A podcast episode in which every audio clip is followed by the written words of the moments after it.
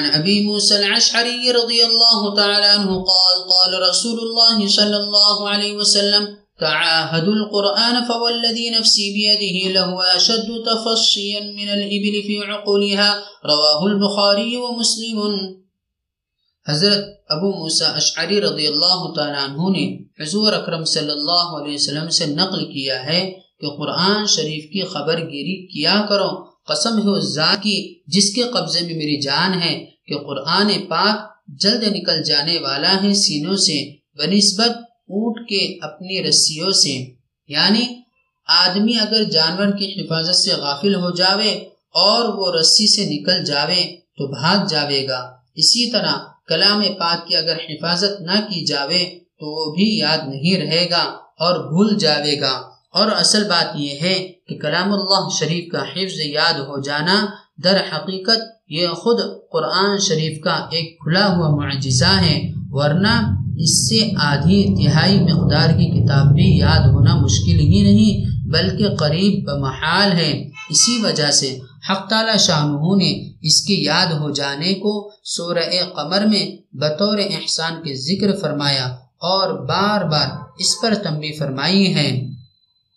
وَلَقَدْ يَسَّرْنَا الْقُرْآنَ لِلذِّكْرِ فَهَلْ مِن مُدَّكِرٍ کہ ہم نے کلام پاک کو حفظ کرنے کے لیے سہل کر رکھا ہے۔ کوئی ہے حفظ کرنے والا؟ صاحب جلالین رحمت اللہ علیہ نے لکھا ہے کہ استفہام اس آیت میں امر کے معنی میں ہے۔ تو جس چیز کو حق تعالی شانہ بار بار تاکید سے فرما رہے ہوں کہ اس کو ہم مسلمان لغو اور حماقت اور بیکار اضاعت وقت سے تعبیر کرتے ہیں، اس حماقت کے بعد پھر بھی ہماری تباہی کے لیے کسی اور چیز کے انتظار کی ضرورت باقی ہے۔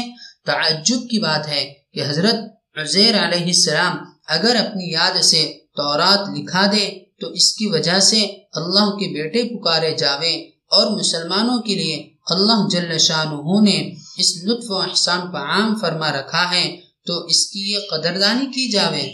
وَسَيَعْلَمُ الَّذِينَ ظَلَمُوا أَيَّ مُنْقَلَبٍ يَنْقَلِبُونَ۔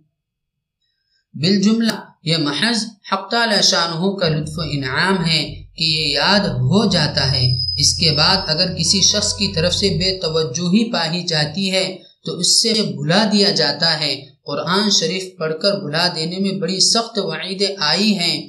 حضور صلی اللہ علیہ وسلم کا ارشاد ہے کہ مجھ پر امت کے گناہ پیش کیے گئے۔ میں نے اس سے بڑھ کر کوئی گناہ نہیں پایا کہ کوئی شخص قرآن شریف پڑھ کر بھلا دے۔ دوسری جگہ ارشاد ہے جو شخص قرآن شریف پڑھ کر بھلا دے، قیامت کے دن اللہ کے دربار میں کوڑی حاضر ہوگا۔ جمع الفوائد میں رزین رحم کی روایت سے آیت ذیل کو دلیل بنایا ہے۔